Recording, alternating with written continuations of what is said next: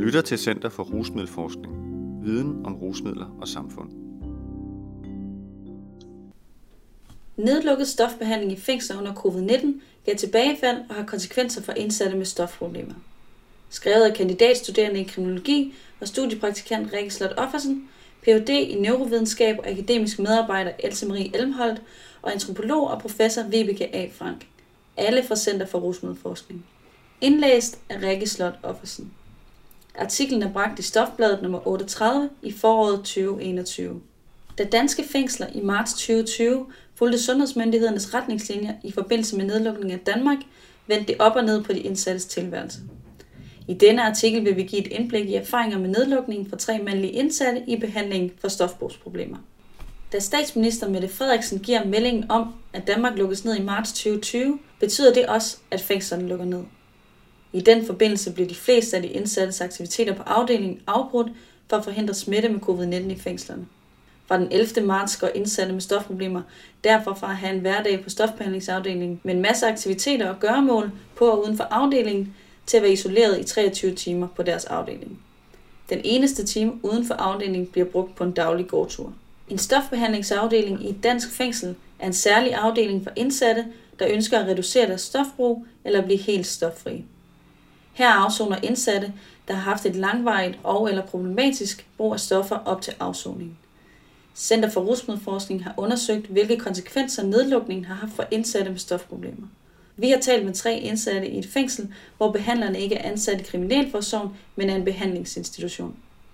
Dette er også almindeligt i andre danske fængsler og er ofte blevet kaldt for importmodellen. En væsentlig del af nedlukningen var således også, at behandlerne blev sendt hjem og ikke måtte møde på arbejde i fængslerne. Danmark lukker ned. Vi får fjernet alt jo. Altså vi mister alt på de 10 minutter, hvor vi får at vide, at de lukker alt ned. Det siger Hans som reaktion på, at fængslet bliver lukket ned. Denne følelse er fælles for projektets tre indsatte, henholdsvis Claus, Hans og Svend. Vi har givet de tre indsatte, vi har talt med, andre navne for at sikre anonymitet. De tre bliver sammen med de andre indsatte på afdelingen kaldt ind i fællesstuen på den hverdag i marts, hvor statsminister Mette Frederiksen under et pressemøde på tv informerer danskerne om, at landet lukker ned. I fællesstuen får de indsatte at vide, at alle deres aktiviteter, udgang, besøg, behandling med mere, stopper med det samme. Han siger videre om situationen, at de kunne have placeret os i et resthus. Det havde været det samme. Overordnet set havde de indsatte, vi talte med, forståelse for statsministerens beslutning og behovet for restriktioner, da de vidste, at det var et led i at beskytte dem fra covid-19. De tre nævnte dog også, at der var en mangel på tilstrækkelig information fra personalet om nedlukningen, som affødte en masse spørgsmål, for eksempel om, hvor længe det kom til at vare, hvordan det hele skulle ende, og hvor lang tid de skulle være lukket ned.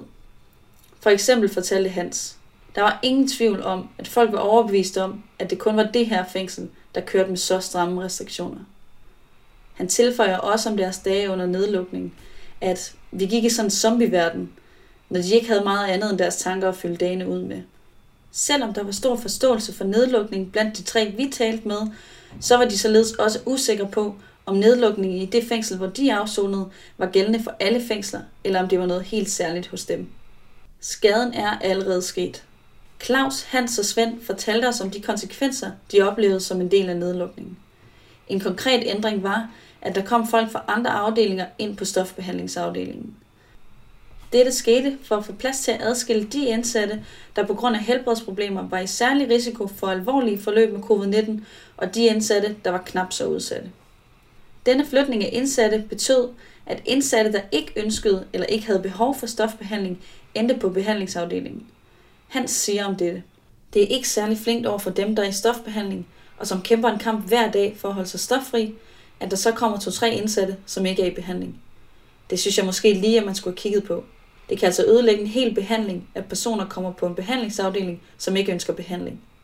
En væsentlig præmis for stofbehandlingsafdelinger generelt i danske fængsler er, at det udelukkende er indsatte med et ønske om stofbehandling, der afsoner i disse afdelinger.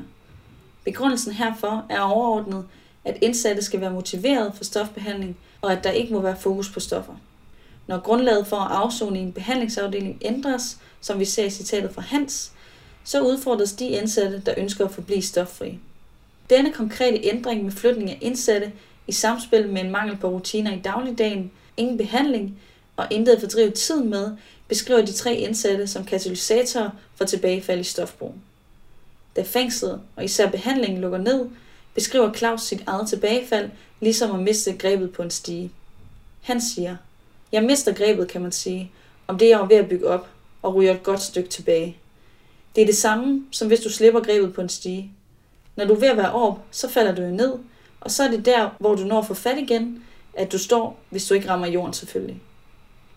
Ligesom Claus understreger Hans, at nedlukningen har været svær for ham, og at selvom der lukkes op for besøg, behandling, udgang osv. i fængslet efter nogle måneder, så er de indsatte på den forholdsvis korte periode, nedlukningen varede, fucket ting op for dem selv, som han siger.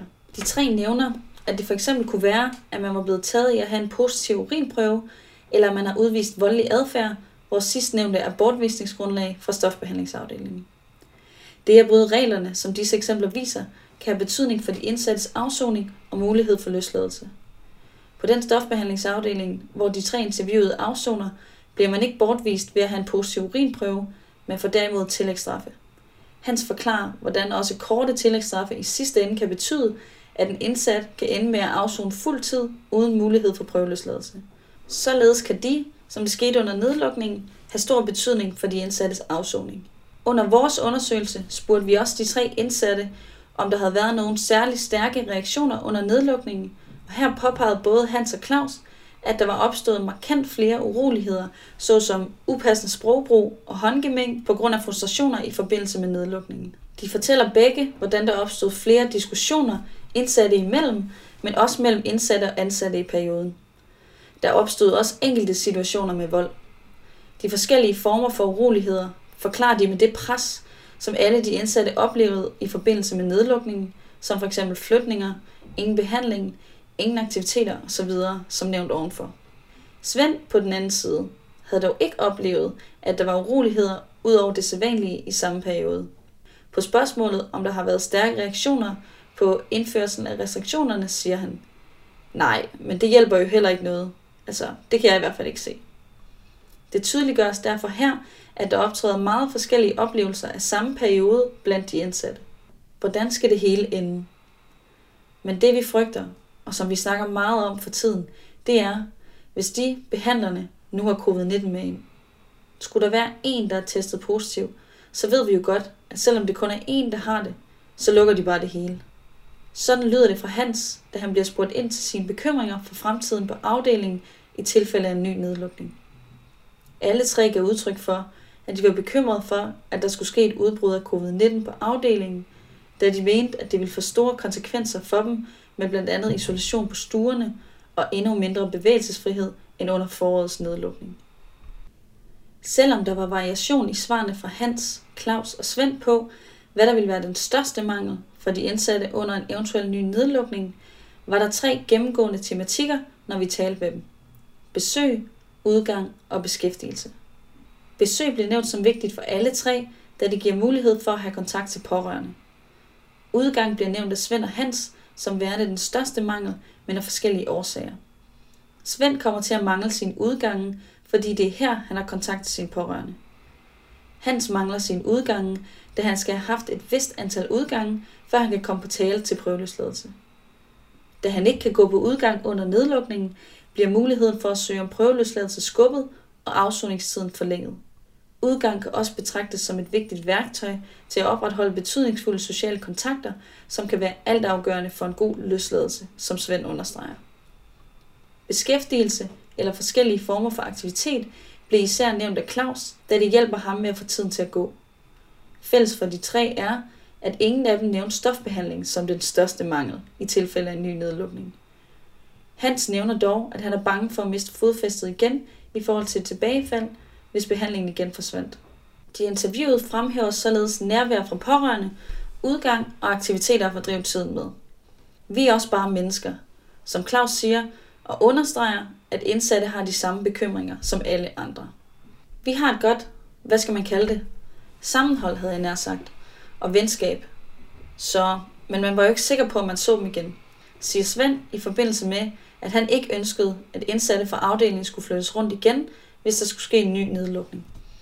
Det var blot én anbefaling, som de tre indsatte kom med, da vi spurgte dem ind til forbedringer og gode råd til ledelsen i forhold til håndteringen af en potentiel ny nedlukning.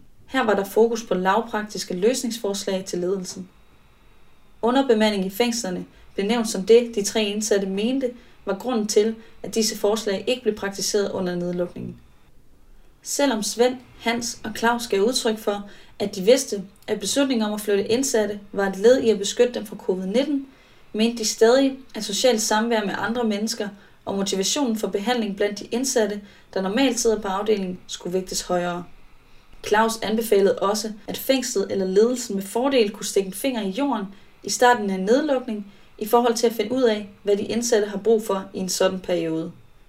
Her kunne der være fokus på, hvem der havde mest brug for hjælp, og i så fald, hvad vedkommende havde brug for. På den måde kunne man måske undgå nogle af de tilbagefald til stofbrug, som var tilfældet på afdelingen.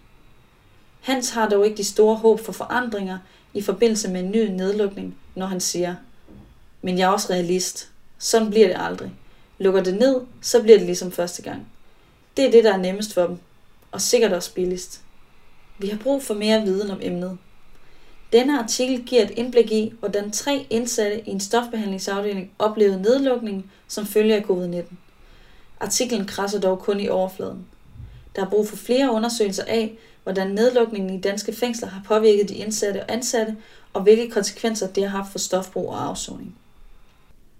Artiklens referencer og bokse læses ikke op, men kan findes i artiklen i Stofbladet eller online på www.rusmiddelforskning.dk-stof.